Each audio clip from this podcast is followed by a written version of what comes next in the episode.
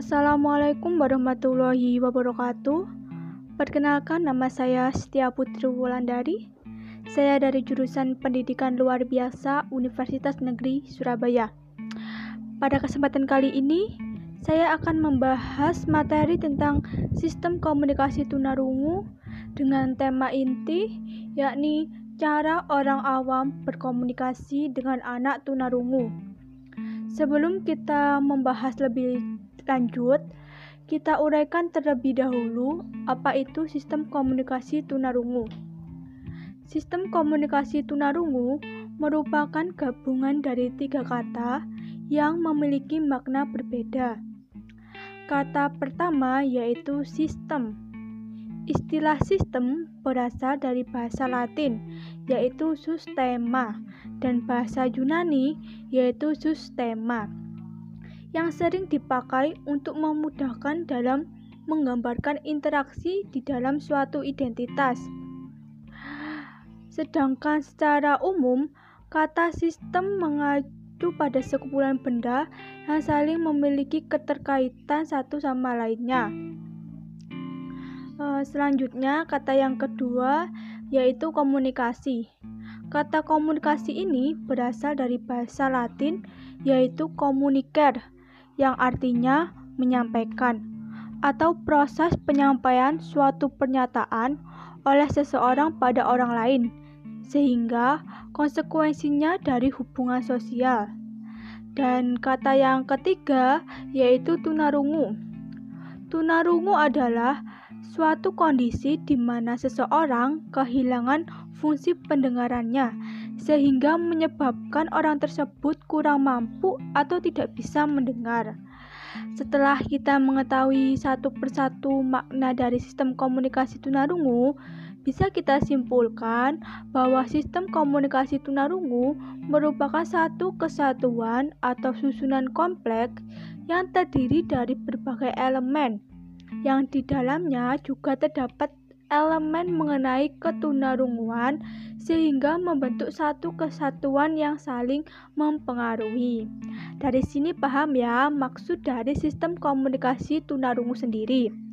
Selanjutnya kita masuk ke pembahasan inti, yakni cara orang awam berkomunikasi dengan anak tunarungu. Kenapa sih saya lebih memilih membahas ini? Uh, singkat cerita dari pengalaman pribadi, waktu pertama kali saya masuk kelas di jurusan pendidikan luar biasa, salah satu teman saya mengalami gangguan sistem pendengaran atau tunarungu.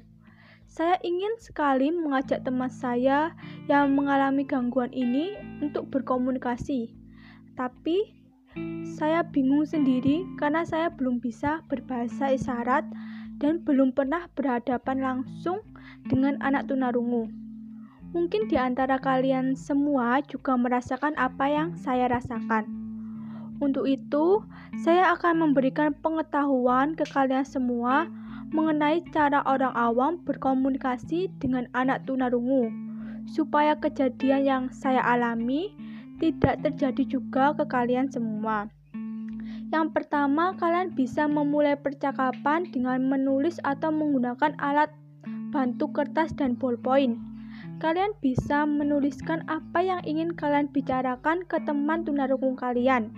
Misalnya, kalian ingin mengajak teman tunarungu kalian ke kantin. Tulis saja di kertas, "Ayo ikut saya ke kantin, saya lapar," dan lain-lain. Mudah sekali, bukan? Namun, Bagaimana jika dalam posisi kalian tidak membawa kertas dan bolpen? Kalian bisa mengajaknya berbicara seperti kalian berbicara dengan orang normal pada umumnya. Teman tunggu kalian pasti akan melihat setiap gerakan bibir yang kalian ucapkan. Namun, ada beberapa etika, etika yang perlu kalian pahami dalam berkomunikasi dengan gerakan bibir yakni pertama kalian harus sopan. Jangan mentang-mentang anak tunarungu tidak bisa mendengar, kalian bisa mengejek sesukanya atau mengatakan hal-hal buruk. Uh, yang kedua, ka kalian bisa memulai berkomunikasi dengan menepuk bahunya dengan pelan. Jangan keras-keras, kasihan kan? Atau bisa dengan memegang teman oh, memegang tangan teman rumah kalian. Yang ketiga, berada pada bidang pandangnya.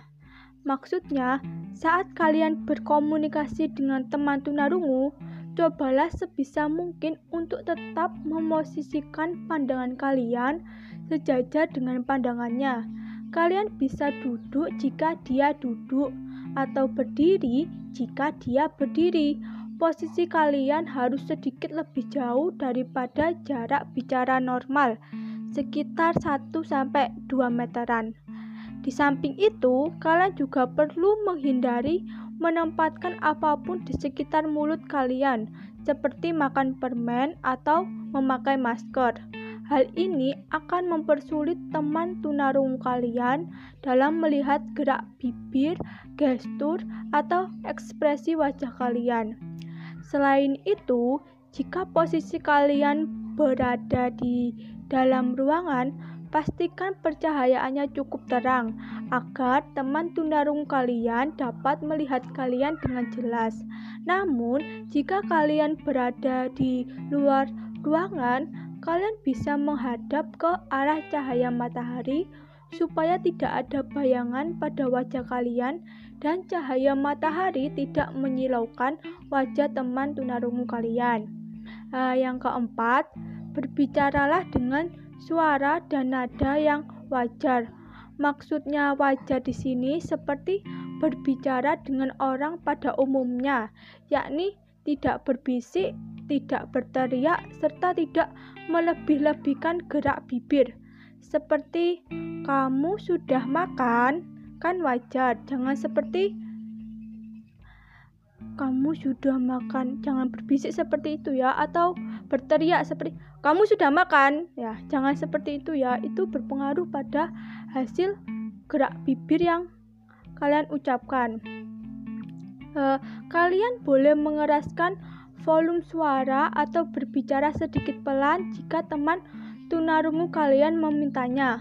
Seperti ia meminta sedikit pelan. Jadi kalian bisa memulainya lagi dengan nada yang pelan. Seperti kamu sudah makan. Seperti itu ya. Yang kelima, melakukan kontak mata. Mata dan mimik wajah sangat membantu dan penting dalam mengomunikasikan nada dan sikap obrolan kalian. Kalian boleh mengekspresikan mimik wajah senang, sedih, atau marah. Contoh dengan ekspresi senang, kalian mengucapkan "Selamat ulang tahun, Putri!" Sebisa mungkin saat kalian sedang berbicara, jangan memalingkan wajah kalian. Pasti kalian tahu sendiri kan sebabnya. Uh, yang terakhir, menggunakan gestur dan isyarat visual. Menyertakan gerak fisik tertentu akan membantu mendukung komunikasi kalian. Kalian bisa menunjuk atau memegang benda yang sedang kalian bicarakan, seperti e, menunjuk bolpen, atau kalian juga bisa meniru tindakan seperti minum, makan, dan lain-lain. Wah, bagaimana? Sudah tahu bukan? Jadi, Mulai sekarang kalian yang belum bisa berbahasa isyarat seperti saya, jangan bingung dan jangan diamkan saja teman tunarungu kalian. Kan kasihan kan? Uh, hanya gara-gara kalian tidak bisa berbahasa isyarat, bisa atau tidak bisa berbahasa isyarat bukan menjadi halangan untuk kita tidak berkomunikasi dengan teman tunarungu.